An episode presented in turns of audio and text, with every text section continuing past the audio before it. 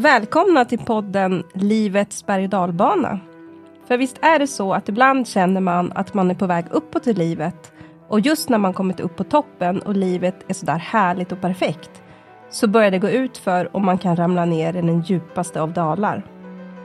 Så är livet och det är bara att hålla i sig, sträcka upp händerna i luften på vägen ner och försöka njuta ändå. I den här podden kommer vi att prata om ämnen som intresserar oss, som berör oss och som vi brinner lite extra för. Mitt namn är Anna Tibbling och jag gör den här podden tillsammans med Jessica Norgran. Varmt välkomna, nu kör vi! Så Jessica, vad trevligt att vi äntligen fick till det här. Verkligen. Ja, helt eh, fantastiskt. Mm. Men jag tänker att innan vi närmare presenterar oss så kanske vi bara ska prata lite om varför vi just sitter här och poddar. För där vi sitter just nu är en otroligt fin poddstudio som ligger bara ett stenkast ifrån där jag bor i Järna. Och vi sitter i Quick Office lokaler i Järna. Och det var lite roligt hur det kom sig att vi ens fick nys om det här. Verkligen. För eh, vi har ju pratat om att podda sen i somras. Mm. Um, och så har vi inte hittat tillfälle och kanske inte riktigt haft tid och ja, livet är som livet är. Och så plötsligt när vi ändå kände att ja, men nu, nu kanske det är dags. Um, så bara dyker den här poddstudion upp från mm. ingenstans. Allt har ju en mening. Allt har verkligen en mening. Och nu mm. sitter vi här. Så, ja. Men eh, vi kanske ska ta och börja presentera oss. Vilka är vi? Vill du eh, börja Jessica? Ja men absolut. Ja, vem är jag? Det är den här stora frågan som vi alla på något sätt söker svaret på. Um, och jag hade ju kunnat presentera mig med yrke, ålder och x antal barn. Um, men jag identifierar mig inte längre med de här sakerna. Uh, det förklarar min livssituation, men det är inte jag.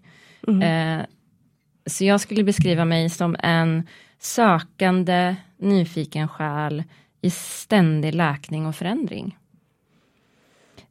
Um, och för fyra år sedan så förändrades mitt liv fullständigt. Uh, och där och då så fick jag rannsaka varenda millimeter av mig själv. Mina känslor, mitt liv, allt, precis allting. Uh, och där började den nya versionen av mig formas. Uh, och det som idag ger mig energi och som jag fyller mitt liv med, det är att jag numera säger ja till livet och utmaningar och jag låter inte rädslorna styra.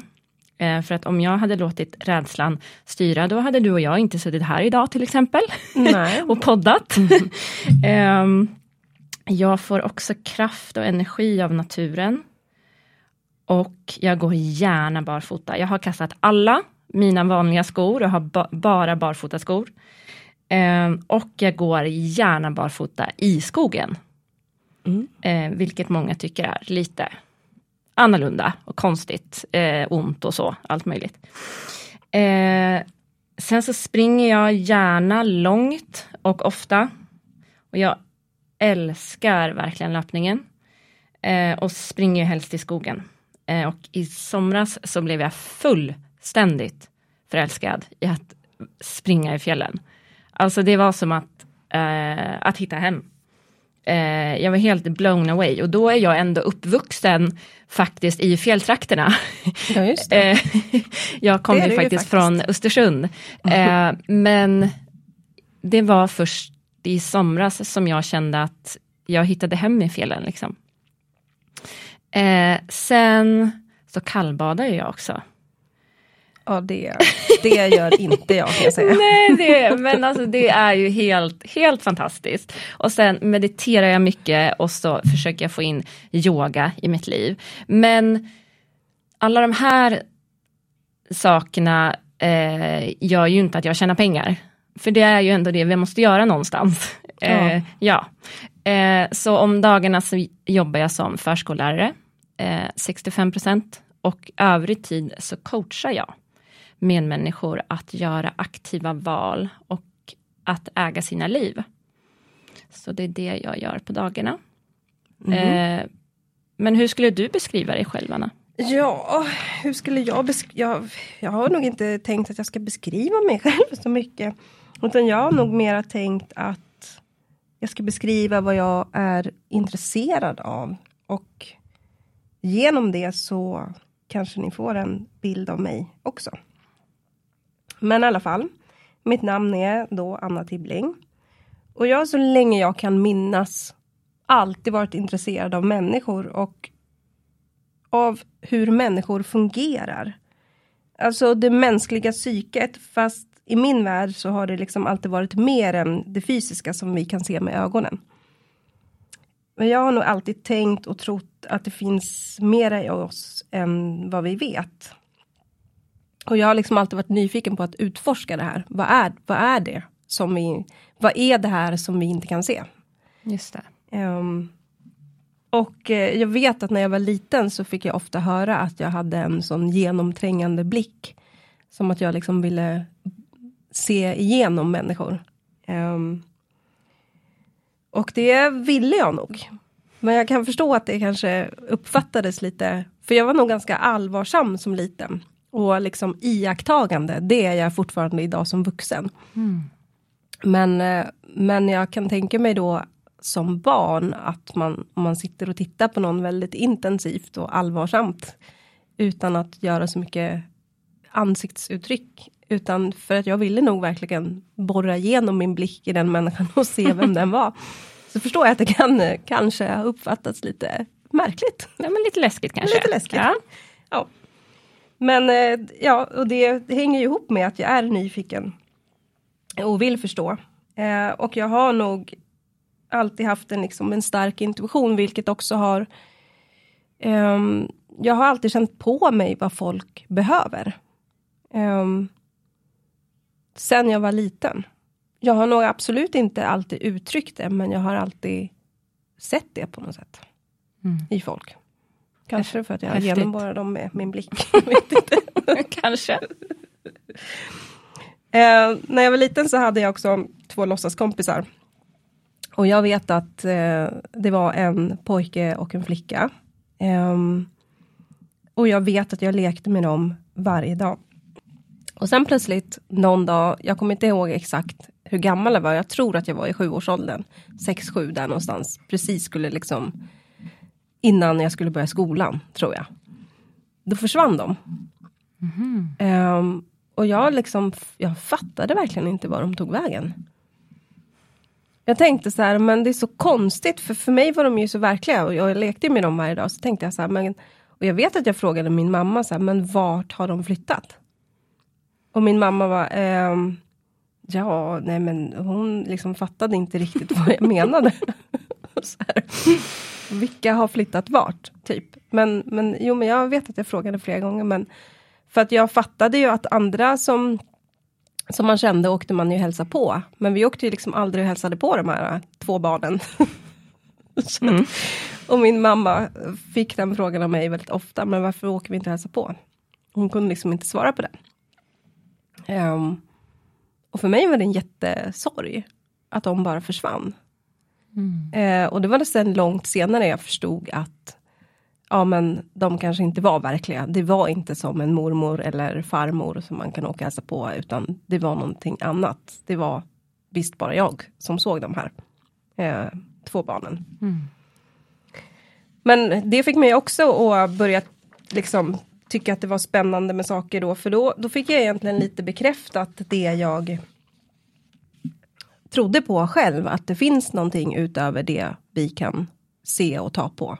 Um, men jag visste fortfarande inte liksom vad det var eller ja, jag, mer än att jag blev ännu mer nyfiken.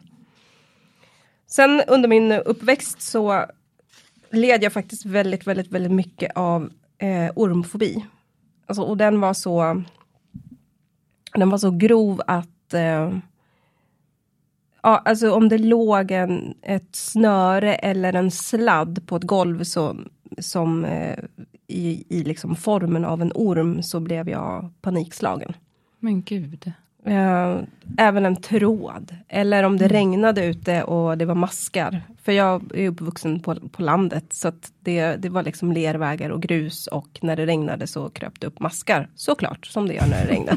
Ja, ja. det är liksom naturens gång. ja, det brukar vara så.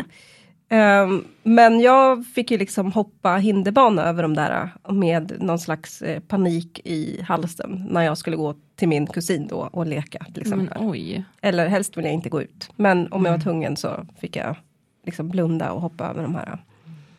Ehm, så sen när jag efter skolan liksom skulle börja jobba, då började jag jobba ehm, på ett jobb där, där man var mycket ute i naturen och gick promenader eller var ute på camping eller hittade på saker i naturen. Och då kände jag att men det här, jag kan inte, jag kan liksom inte jobba. Jag blev så hindrad i livet av den här uh, fobin. Ehm, och eh, då vet jag att min pappa sa till mig att jag, eh, jag, jag ska hjälpa dig att bli av med den. Eh, jag kan betala för, för terapi. Och jag var så här, tack, det var jättesnällt, men jag kommer aldrig göra någon slags KBT där man ska närma sig det här djuret. För jag, jag vet ju bara jag gick hem till folk eh, och såg, jag scannade ju allting. Jag skannade alltid marken där jag gick, jag skannade folks bokhyllor, jag skannade allt. Liksom. Och om jag gick hem till någon och såg att de hade en eh, bok om djur hemma. Då hade jag ju paniken i halsen hela tiden. Ifall, för det här, och det här är ju så eh, sjukt liksom. Men det, man är sjuk när man har en fobi. Man blir åtminstone sjuk. Eh, utifall någon skulle ta upp den här boken, eller ut den här boken från bokhyllan och råka slå upp en sida med en orm, vilket är högst otroligt att någon skulle göra. Eller att den här boken ma- magiskt trillar ut från bokhyllan. Och... Men såklart, oftast så händer det sådana grejer för mig. Mm, Det är ju det, när man är rädd för någonting så händer ju oftast det som man är rädd för. just det. Eh, Så det kunde vara så att det faktiskt trillade ut böcker från bokhyllan och råkade hamna på en sida med en orm eller ja, men, någonting så här. Men då kände jag i alla fall, men jag måste göra någonting åt det. Och ehm, då hittade jag faktiskt någonting som heter NLP och sen så någonting som, eh, och hypnos då i en kombination. Eh, med ett löfte om att jag inte skulle behöva träffa någon orm utan och att det skulle ta eh, några timmar så skulle min fobi vara borta. Mm. Eh, och jag tänkte så här, men det är värt att prova. Eh, för jag vägrar att göra någon annan terapi när man ska närma sig. Det går liksom inte, det var bara uteslutet. Så jag provade ehm, och gick dit och eh, efter två och en halv timme så var den här fobin borta. Det visste jag inte då. Men jag hade en stark längtan när jag gick därifrån att jag måste åka till Skansen eh, och titta på ormarna. Vilket, alltså den tanken hade aldrig funnits i mitt huvud innan. Nej, vad sjukt. Och jag vet att det här var en, en dag mitt i veckan. Typ en onsdag och jag skulle jobba dagen efter. Då kommer jag körande i min lilla bil till jobbet. Eh, ute på landet. Och så har en bil eh, stannat precis framför min bil. Eller jag är tvungen att stanna min bil för att det står en bil som har stannat framför mig. Eh, och då är det, jag jobbar på en skola då, och då är det en av de här lärarna som jobbar där som kommer ut från sin bil och tar upp någonting från marken. Och det här är vår, jag vet att det är mars. Så att jag vet att jag hade min eh, bilruta nervevad. Och så kommer han och då ser jag att han håller i en orm som han liksom har kört på på vägen och kommer emot mig i min bil.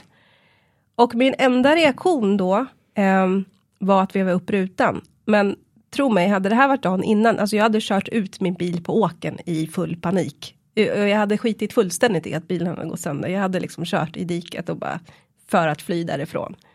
Så det är roligt, du säger att saker blir som det är meningen att de ska vara. Det här var verkligen också så här, ja, jag ville ha tecken på att fobin var borta. Och här kommer han med en orm. Eh, och nej, jag vill inte ha in bilen i ormen, vilket är en helt naturlig reaktion för vem som helst. Eh, så jag vevar upp fönstret. Ja, nej, och för alltså mig jag... var det magi. Ja. Alltså på riktigt magi. Mm. Så såklart så ville jag då lära mig mer. Vad är NLP? Ehm, så jag utbildade mig i det. Ehm, NLP practitioner och sen NLP master. Och samma sak med hypnos. Så det är liksom vad jag är utbildad i. Och sen eh, idag så jobbar jag också som, som coach. Eh, men det som också hände mig, på tal om det här med eh, låtsaskompisar, är väl att jag för två år sedan egentligen hade ganska intensivt och ganska många mediala upplevelser. Uh, och det här tänker jag inte gå in så jättemycket på nu. Jag tänker inte heller gå in på NLP hypnos. Det kanske vi skulle kunna göra uh, i ett annat avsnitt. Uh, ja, absolut. Jag vill veta mycket mer om det, för jag har absolut ingen kunskap Nej. alls. Men i alla fall då, då hade jag väldigt mycket mediala upplevelser och, och insåg till slut att jag också är Eh, medial. Eh, och nu idag så har jag mitt eget företag. Eh, och jag känner väl att jag vill utveckla, eller jag håller på att utveckla, eller har utvecklat delvis ett eget koncept med alla de här komponenterna i, både NLP, eh, inte så mycket hypnos, men eh, en del meditationer och, och liknande. Eh, och sen eh, också så jobbar jag mycket med min intuition eh, när jag coachar. Um, och jag vill verkligen jag vill ju verkligen hjälpa människor. Uh, jag vill hjälpa människor att bryta sina mönster, uh, ta kontroll över sina livsval och uppnå sin fulla potential. Så det är vad jag gör idag. Mm. På deltid. Och sen har jag precis som du också ett, uh, ett annat jobb på deltid just nu. Som är på kontor. Så ett helt vanligt kontorsjobb. Oh. Och det har vi verkligen gemensamt, att vi, att vi coachar och mm. att vi vill vägleda människor. Ja. Uh. Men uh, Jessica, vi... Det är väldigt roligt att vi sitter och gör den här podden tillsammans. Uh, och det kan ju bli en spännande resa för dig och mig. För, verkligen. För att det, vi kanske ska berätta hur vi har träffats och hur vi hamnar här. För vi har ju inte känt varandra så länge alls egentligen. Nej, alltså vi träffades första gången i juli. I juli år, 20, det är alltså 2022. Ja. Eh, efter Var att, det så? Ja. I Men början det... på juli. Jaha, jag har fått för mig att vi har känt varandra typ ett år. Jaha, nej. Nej men alltså jag är ganska säker på, alla fall på sommaren. Eh. vi får kolla upp det här kanske. Ja, det men... spelar inte så stor roll. Nej men du Nej. har säkert helt rätt. Det är bara att det känns, för att vi har ändå liksom pratat väldigt mycket och vi har eh, lärt känna varandra på olika sätt genom olika saker liksom, som vi har gått igenom. Så ja. det kanske är därför det känns lite längre. Och på djupet. Och på djupet. Ja, ja. ja. Men det är ju så med vissa människor som man träffar, att man verkligen känner att, att eh, vi har känt varandra ja, men tio år, fast vi bara har känt varandra en kort stund. Ja. Och det är ju alltså riktig vänskap, eller så. Men så vi har typ känt varandra sju, åtta månader, ish.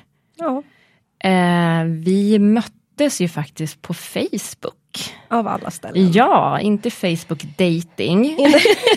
men, nu kommer jag in på något helt annat. Men det, jag har sett att det dyker upp en liten grej på som heter Facebook dating. Exakt, ja det gör ju det. Men, ja. Okay, ja, det kan ja. vi, behöver vi inte prata det om Det finns, nu. men varken du eller jag behöver ju vara där. Nej, alltså så. Nej. För att vi träffades i, i en grupp på Facebook eh, där andra som har mött tvillingsjälar möts och pratar. Mm. Eh, och, då och, då kommer alla tänka, oh, är ni tvillingsjälar med varandra? Nej, det är ah, vi inte. Nej. nej vi är inte ett kärlekspar. För tvillingsjälar är ju alltid ett kärlekspar. Ja. Och vad tvillingsjälar är kommer vi nog säkert prata om ett annat avsnitt. Ja, det tänker jag för att det, mm. Alltså det kan man verkligen grotta in sig i och det är ju superspännande. Den resan har vi ju verkligen. Det var egentligen så vi började våran resa tillsammans, så det är klart, det måste vi ju dedikera ett avsnitt till. Absolut. Ja, absolut. Det finns mycket att säga om tvillingsjälar. Ja. Vi behöver tid till det, tror jag. Ja, det är ju en resa i sig som sagt. Mm. Eh, ja. Eh, men det var så vi möttes. Mm. Eh, vi såg varandras namn och liksom på något sätt började vi skriva till varandra på Messenger. Ja, jag kommer inte ihåg om det var om det var jag som hade gjort något inlägg kanske för att jag var på en plats i min tvillingsjälsresa där jag kände att jag behövde lite Just det, lite så var det nog. annan input från andra i den här gruppen. Jag tror det. Mm, och så svarade jag på det. Så svarade du på det. Mm. Och så började vi liksom skriva på Messenger och så märkte vi att vi hade väldigt mycket gemensamt. Dels i den resan men, Mm. men även annars i livet. Ehm, och så ja, stämde vi träff där någon gång då i juli som du säger. Ja, juni, någon gång där. Ja, På en eh, grekisk restaurang va? på en, på en grekisk restaurang. Ja.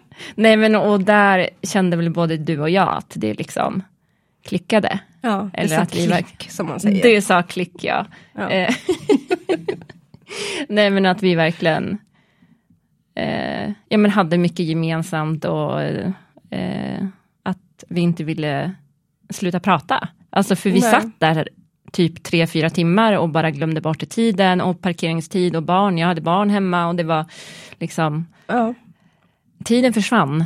tiden Eh, försvann. ja. Ja. Och det är ganska häftigt med sådana möten. Mm. Alltså för det är inte så himla ofta i vår ålder tänkte jag säga. Men, men, För vi är så, alltså, ni förstår inte hur gamla vi är. Vi är extremt gamla. nej, men i vuxen ålder är det ju inte så himla, det är ju inte lika lätt att möta nya vänner. Nej, Eh, alltså så. Eh, och därför så är det ganska häftigt när det väl händer att man verkligen klickar så med någon. ja. ja men jag håller med. Eh, Och framförallt att vi verkligen var, vi är i samma ålder, vi är lika gamla, eller hur? Visst är vi det? ja, det är vi. Vi är lika gamla, vi har lika många barn, vi har ja, Ja, det har in, vi. inte jättelika liv kanske, men på sätt och vis, vi har väldigt mycket gemensamma saker i alla fall, i Mm. våra liv. Liksom. Men vi är också väldigt olika. För att jag tänkte Mm. på det när du pratade om det här mediala. Mm. Och jag tänkte ju att tills för fyra år sedan, då fanns det inte någon annan sorts dimension än den vi lever i. Nej. Eh, jag har absolut inte haft eh, något andligt eller medialt eh, i mitt medvetande liksom förrän eh, ja, men för fyra år sedan. Eh, alltså för innan det, då, då tänkte jag att när du dör, då är det toksvart. Då dör du. Mm. Liksom. Men med allt som hände då, så förstod jag att okej, hmm, här finns det något mer. liksom. Så därför så är ju jag närmare dig idag, men jag skulle absolut inte säga att jag är medial som du är. Eh, men jag är mer andlig i alla fall, än vad jag var för fyra år sedan. Ja. Eh, Det roliga är att vi hade säkert inte ens träffat varandra för fyra år sedan. hur tänker du nu? Nej men jag, jag tänker att, alltså, jag tänker eftersom att du var så som du var för fyra år sedan och tänkte att de sakerna inte fanns. Eh, hade du ens gått med i en sån här Facebookgrupp om tvillingsjälar då? Absolut Eh, inte. så jag menar, vi Ja. hade förmodligen liksom aldrig träffats. Nej. Nej, Eh, det har du faktiskt helt rätt i. Och nu sitter vi här och ska Ja. köra podd tillsammans. Det, jag tycker faktiskt att det ska bli jätteroligt för att även om vi har varit igenom mycket och vi har pratat nästan dagligen skulle jag Mm. säga, eh, sen vi sågs för åtta månader sedan. Det låter som värsta kärlekshistorien på något sätt. När man Ja, men- här, ja, Men det men är en- kärlek, Ja, en inte en vänskapshistoria. kärlekshistoria i, i den traditionella bemärkelsen. Men Nej, men det är fint. ja, Mm. ehm, ja, här sitter vi. Nu måste jag dricka lite vatten i den här podden. Det får man göra. Mm. Nej men vad skulle jag säga för någonting? Jag skulle komma någonstans med, med det jag sa men nu har jag glömt bort det. Det är med tvillingsjälar, eller vad menar du? Nej jag vet inte. Men Jessica jag tänkte på, på en annan sak. Ehm, Mm. du avslutade din presentation med att du jobbar som coach. Just det. Men då undrar jag lite så här, hur kommer det sig att du började coacha? Mm. Ja, alltså jag har väl, alltså hela mitt liv egentligen känt att jag vill jobba med människor och jag vill hjälpa människor. Och jag har eller jag drömde om att bli psykolog. Mhm. Nu vet ju alla att du behöver svin bra betyg för att komma in på psykolog. Så det var inte aktuellt. Eh, Jag har för... faktiskt läst en termin på psykologin. Är det sant? Ja, fast det Va? var väldigt länge sedan. Och sen, Då, då hade du alltså jättebra betyg? ja, men jag tyckte själv inte att jag hade det. Jag förstår inte hur du- jag kom in. Nej. Jag trodde aldrig jag Men du behöver ju ha ett jätte, jättebra betyg då. Ja, men jag, tyck, jag tror inte att mina betyg är några Nej men det där måste du kolla betyg. upp. För att Men- jo, typ 19,0. Alltså Det kan jag inte tänka mig. Nästan alla MVG. Alltså vad är det då?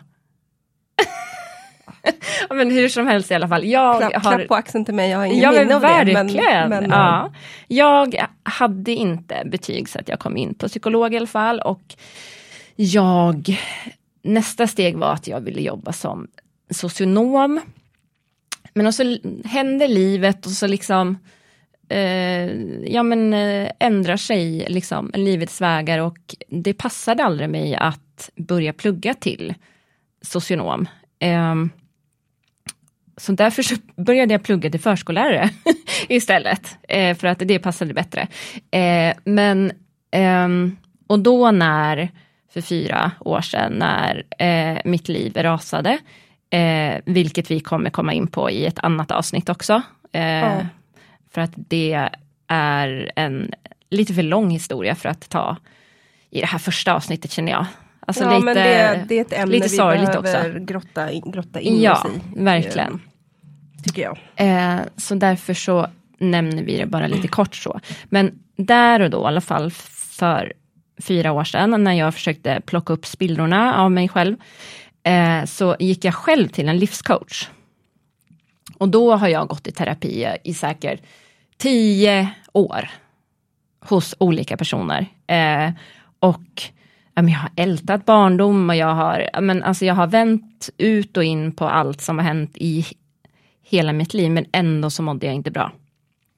Och, när jag mötte den här livscoach, eh, prata. Livscoachen. Livscoachen, ehm, då kände jag hopp för första gången.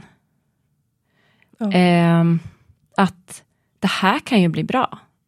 Och då förstod jag nog inte heller riktigt hur en coach jobbar. Alltså för det är ju det som är grejen med coachning, att coachen hjälper ju dig att hitta svaren inom dig själv. Ja. Ja, och det är ju där du också då kan bygga din självkänsla. Och min självkänsla har varit fruktansvärt låg men, i, i hela mitt liv skulle jag säga. Eh, men där och då så kände jag verkligen hopp. Eh, och när jag var klar hos henne och ändå liksom eh, ja, men började, mm, började leva mitt nya liv eh, så kände jag att jag ville gå en livscoachutbildning för det här vill jag jobba med. Mm. Jag kände liksom att eh, jag älskar också mitt jobb som förskollärare, men i samma sekund som allting hände, då kände jag att jag har ett högre syfte. Jag ska göra någonting annat. Mm. Men sen håller jag på fortfarande så här att jag vet inte riktigt vad jag ska bli när jag är stor. Eller jag behöver inte bli någonting för att jag är redan allting, men vad jag ska fylla mina dagar med. Eh, För att det är så himla många saker jag vill göra. Eh, och det är så Där är många rätt saker jag brinner för. Liksom. Eh, så vi trevar lite, både du och jag, så här, alltså vad vi ska göra Ja, men jag tänker resten också... av vårt liv. Ja, precis. Ja, men Liksom. Vad ska vi göra resten Ja. av vårt liv? Men jag tänker också på att vi ändå liksom utav en egen erfarenhet kom in på just coaching. Eh, Precis. Och att man vill använda sig av den egna, eller alla erfarenheter som man har gjort i livet mm, eh, till att hjälpa människor och eh, att vi har också det gemensamt, att vi har, vill skapa något eget Mm. liksom, koncept kring det utifrån eh, du med dina livserfarenheter och jag med mina livserfarenheter. Precis. Ja men verkligen, för att när man har hittat den här nyckeln i sig själv, då vill man ju bara ge det till varenda en. Alltså för Ja. det är ju så magiskt att komma dit vi är och hur jag känner mig nu. Det vill man ju liksom bara strössla på alla. Ja. Alltså för det är ju, det går att må så himla bra i den här berg och dalbla- berg och dalbanan Ja, som ja, visst. livet är. Eh, Men jag tror också att det handlar om att acceptera att livet är en berg och dalbana. Jag vet inte vem, vart jag har hört det här någonstans ifrån nu, men jag, det var någon som pratade om just det sådär att man, man kan inte förvänta sig att livet bara ska vara bra, utan det man ska förvänta sig är att livet är upp och ner. Ehm, det kommer finnas bra dagar, det kommer finnas dåliga dagar och det kommer finnas allt däremellan och man kan alltid vara säker på att man kan planera och planera och planera men det kommer aldrig bli så som man har planerat. Eh, och då är väl liksom då är ju mera frågan men hur förhåller man sig då till allt? Och det är väl egentligen lite det som, som vi, man kan prata om när det kommer till coaching eller hur, hur förhåller jag mig till ehm, när det inte blir som jag har tänkt eller hur förhåller jag mig till när livet ehm, är i de djupaste dalarna eller de högsta topparna eller vad det än är. mm, Eh, eller när det händer oförutsägbara saker som, som är jättejobbiga. Så handlar det väl om hur man, hur man förhåller sig och tar sig vidare ur sådana situationer. ja men precis, för att eh, livet händer ju. Mm. Och det som skiljer oss är ju hur vi hanterar det. Alltså för det som händer, det händer. Det kan vi inte påverka. Det enda vi kan påverka, det är ju hur vi hanterar det. Mm. Och det tog verkligen ett bra tag innan jag förstod det. Eh, I min, i min berg och dalbana. Eh, men när du förstår att du kan fokusera på det du kan påverka. Eh, och strunta i det andra, för att det kan du inte påverka. Alltså för jag vet att jag ofta sa så här, att ja men alltså mitt liv blev inte som jag tänkte mig. Nej, men det blev ett liv ändå. Alltså, Ja. eh, för att vi kan inte styra våra liv. Nej, vi kan, Eh, vi kan, det är det som, det som du säger, vi Mm. kan styra en, en, en del. Ehm, och vi kan påverka en del, men sen finns det massor som vi inte kan påverka. Det är väl dumt då att slösa sin energi på det man ändå inte kan påverka. Ehm, Nej men precis, men det är ju jag- supersvårt. Det är jättesvårt, men jag kan känna att verkligen. jag, så har jag gjort. Ehm, jag har kört på och tänkt att jag måste göra massa saker. Mm. Eh, och planerat mycket i framtiden och också oroat mig massor för framtiden eller vad jag ska göra. Eh, eller vad det nu liksom har varit. Och sen så, så glömmer man ju bort att vara här och nu.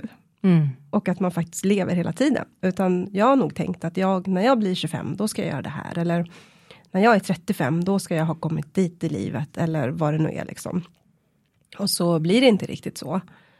Eh, men faktum är att man lever ju hela tiden. Eh, och det är väl det som är, är det luriga. Att förstå att det är så, men också kunna njuta av det. Lite som vi, som vi inledde med att även när det går bra, när det går, så kommer det också komma en, en fas där det går neråt i livet. Men att ändå kunna njuta av de stunderna som är bra. Mm, Fast verkligen. det i det stora hela kanske inte är en toppen situation just nu. Liksom. Nej, precis. Alltså för det lär man sig ju verkligen av livets svåra stunder. Alltså för du har ju faktiskt alltid, alltså alltid ett val. Mm. Att eh, alltså livet händer, antingen accepterar du det och ja men försöker göra det du kan av det du har. Eh, istället för att sakna det du inte fick. Alltså för det kan du liksom inte påverka och det tar ju bara en massa energi. Eh, och det händer ju verkligen någonting inom en när man förstår det här. Mm. Eh, men både du och jag har ju varit eh, utmattade. Eh, Ja. och verkligen kört ända in i kaklet för att vi har varit mer i framtiden än i nuet. Ja. Eh, oftast är det ju så att det behöver hända något jättedrastiskt innan vi förstår vad det är vi har i livet. ja, tyvärr så Ja, är det ju så. Men, det är ja. det. Men idag, jag är så otroligt tacksam eh, för allting. Det låter ju lite makabert, men ändå så är det så att allting det som har hänt har ju ändå format mig till den jag är idag. Och det är jag jättetacksam för idag. Mm.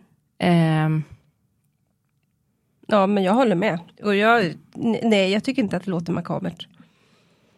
För det är ju Det så beror det nog, är. ja, men det beror nog lite på vem du frågar, tänker jag. Jo, jo. Eh, alltså Men, så. eh, men, och eh, hur men långt man har samtidigt- kommit i sin eh, eh, alltså resa. Eh, men jag har hela tiden tänkt att det har jag nog ändå lite tänkt hela mitt liv, att allting har en mening på något vis. Mm. Eh, och det kan ju verkligen vara en räddning. Och den meningen kommer ni nog höra oss säga några gånger.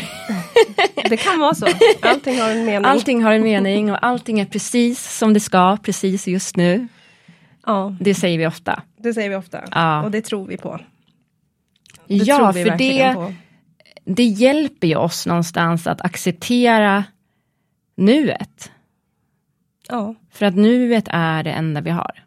Ja, och det är bara nu vi kan påverka saker. Inte det som har hänt och inte det som ska komma. Men nu kan vi påverka saker. Ja, Nu har vi ett val. precis. Eh, och det ska vi inte glömma bort. För det där valet är viktigt. Och det är väl egentligen därför vi, i alla fall därför jag coachar. För att förstå att människor, eller att människor ska förstå att de har makt över sina egna liv och att de kan välja annorlunda och att de kan se saker ur ett annat perspektiv. ehm, och så vidare. Mm.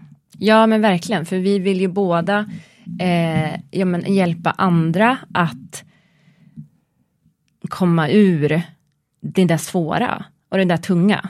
Mm. För vi vet eh, av olika erfarenheter och eh, skeden i livet hur det kan vara. Ja, Eh, men vi, vi har tagit oss upp.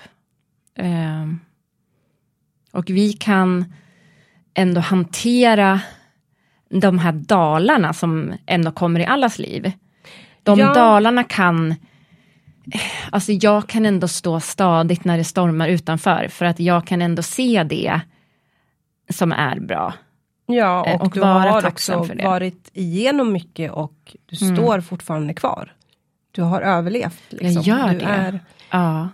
Och så- jag har inte bara då överlevt blir- utan jag nej, lever nu också. Och du lever, ja, Ja. precis. Och då för varje dal som kommer sen så blir det lite lättare att hantera. Det gör verkligen det. Och det är, det är en otrolig frihet. Att ändå kunna stå där mitt i stormens öga och ändå fokusera på det som faktiskt fungerar. Mm. Eh, för tacksamhet är ju en otroligt kraftfull eh, grej. att det använda är sig av. det. Ja, nej, Det låter så banalt när jag man säger vet. det och jag kan, jag har faktiskt stört mig på att många eh, coacher eller såna här livscoacher eller man har läst i böcker eh, att man ska skriva upp så här, tre saker som man är tacksam för på, Mm. på en dag. Ja. Eh, jag, alltså fram tills typ nu så har jag Mhm. inte riktigt, f- alltså jag har blivit lite provocerad av det på något sätt. Vad intressant. Ja, det är in, kanske är intressant. Ja. Men, eh, Alltså jag- för varför har det provocerat dig? ja men exakt, Ja. jag vet inte Nej. riktigt. Jag tror att bara att, att liksom så här, ja, men varför ska jag gå runt och vara tacksam för, för vad? Liksom, har jag tänkt i mitt liv. Ja, ja. men, eller varför, vad, vad, liksom, vad ska det förändra? Mm. Eh, men då hade jag nog fortfarande inte kommit på just det, att man lever här och nu. Eh, och att man får liksom ta tillvara på de här små stunderna, på de här små nu-stunderna hela tiden. Just det. Eh, för då var jag fortfarande iväg och snurrade i framtiden eller i dåtiden. Och, Mm. eh, så, så jag missade hela konceptet med liksom, att vara i nuet. Och därför så tror jag att, jag, att det provocerade mig. Mm. För att det, är- det är också svårt att vara tacksam för någonting som ska hända. Eller någonting som har varit som liksom. ehm, men nu kan jag absolut Mm. acceptera och, och tycka att det är jättefint och du har helt rätt. Mm. Eh, och det är jätteviktigt och det ger mening att tänka så. Ehm, Mm. eh, men, men eh, nej, jag vet inte. Jag har, jag, jag tyckt, tyckt att det har varit jobbigt. Men jag tror verkligen att du har en poäng där med att tacksamheten är i nuet. Alltså för att Ja. om, om du inte känner tacksamheten i kroppen, om det inte landar i kroppen, nej. Då- då kan du inte känna den på riktigt. nej. Nej och men, då, det är antagligen det jag inte har gjort. nej men precis, jag, Jag har tänker försökt, det. men jag har inte- den här uppe liksom- i egot Ja, ja, ja. har du tänkt att okej, Absolut. nu ska jag vara tacksam för det här, Mm. oj oj, oj mm, vad tacksam jag är. Ja, Men- exakt. du ser ju provocerande det ja, då. nej men jag förstår. Ja. Och jag tänker att många kan känna igen sig Ja, i det det. tror jag också. Men tacksamheten var min räddning. Eh, många gånger. Eh, för att jag var tvungen att verkligen fokusera på det som fungerade under den tiden som var eh, som jobbigast. Eh, och det finns alltid något att vara tacksam för. Mm. Ibland så kan det vara så att det enda eller de sakerna som du kan vara tacksam över är att ja, jag vaknade idag. Och jag har andats. Det är jag tacksam för. Jag är tacksam för mitt andetag idag. Jag kan vara tacksam över att jag har orkat kliva upp ur sängen.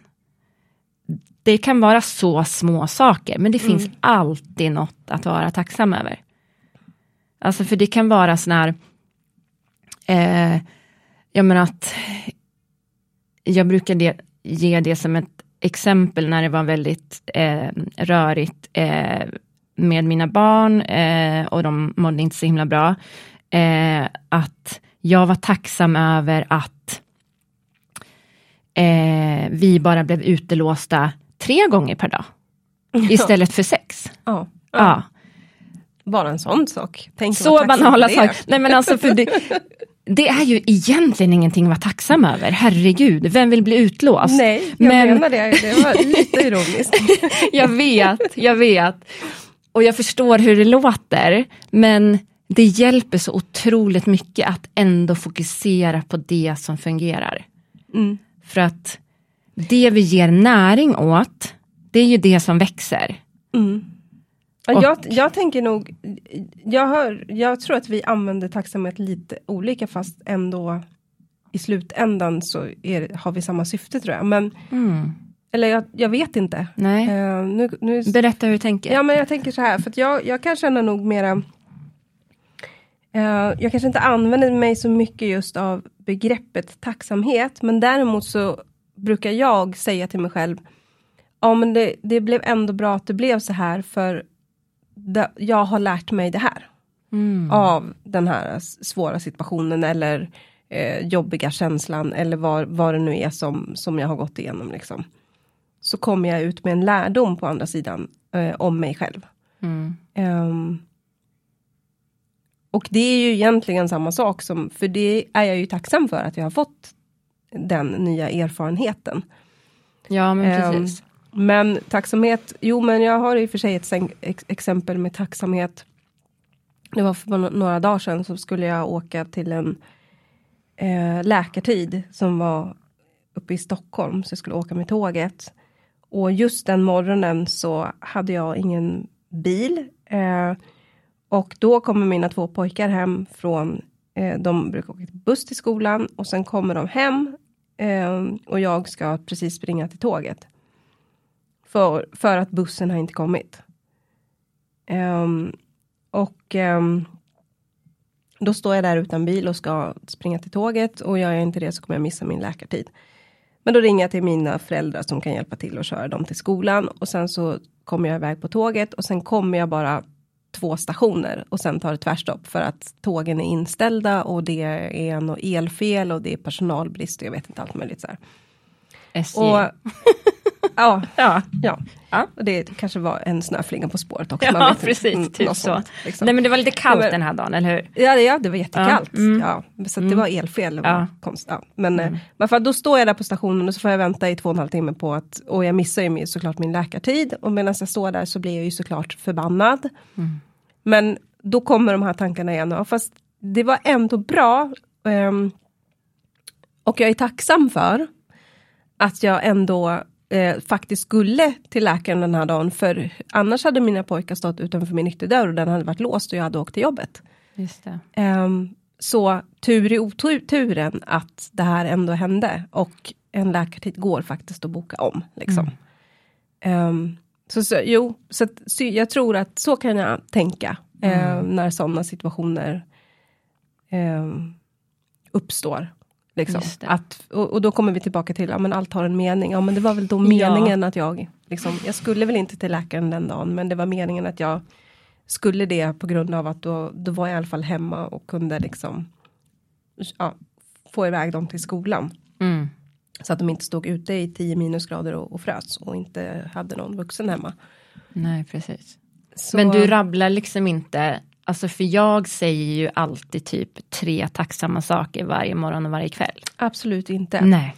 Men däremot så kan jag... Och det behöver man inte göra. nej, Såklart. Jaha, jag trodde man måste. nej, nej, men däremot så kan jag verkligen, jag kan nog mera tänka, vad har jag lärt mig? Mm. Ehm, eller, ja. Eh, och det, det grundar sig nog i det jag pratade om från början i min presentation, att jag alltid är nyfiken. För lika nyfiken som jag är på andra människor, jag får ju bli min egen experimentdocka. Um, så jag kan verkligen med nyfikenhet se på, eh, och det tror jag har varit min räddning genom eh, livet. Eh, att jag är så pass nyfiken att jag till och med i, i jobbiga, svåra stunder kan vara nyfiken på hur jag själv kommer reagera eller hur jag kommer ta mig ur det här eller vad jag kan lära mig eh, av situationerna. Eh, och det tror jag har, har varit min rädd, räddning många gånger. Mm. Eh, just det drivet i mig. Ehm, fast för egen del liksom. Så du har din tacksamhet, jag har min nyfikenhet. Fast, Ja, men fast precis. vi har vi har det båda två, men vi Mm. använder det på olika sätt. Liksom. Eller det betyder olika, lite olika saker. Men det, Ja, men precis. Och alltså, det är ju fint att, att vi hittar olika strategier för att vi ska kunna må så bra som möjligt. Och någonting som fungerar för mig kanske inte fungerar för dig.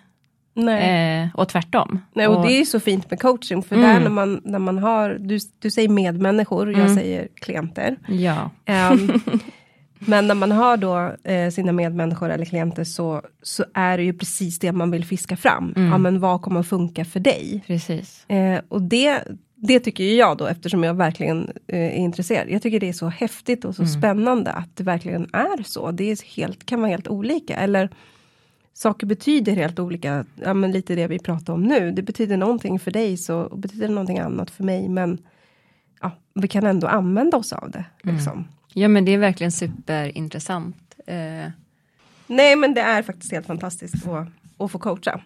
ja, ni kommer få höra mig säga ordet magiskt väldigt många gånger, för det är väldigt magiskt. Ja men det är det. Och jag tycker att mycket i livet är magiskt just nu. Mm. Eh, och det blir ganska magiskt när man är i nuet och verkligen känner in och känner av allting så himla tydligt.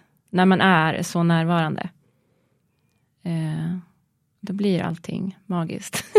Ja, men det, ja, Ja. fast det är verkligen, Mm. alltså det är magi. ja, Jag tycker att man skapar magi när folk ehm, får aha-upplevelser eller eh, åh, så här har inte jag tänkt förut. Eh, gud vad spännande. Eller nu har jag förstått varför jag alltid gör så här. Alltså, det är faktiskt magi. verkligen. Men och många människor, man, man skulle vilja ge det till alla människor.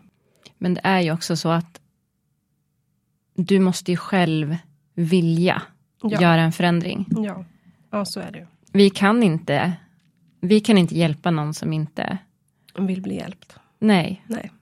Ja, men fint. Jag tänker att vi kanske ska börja avrunda det här äh, avsnittet.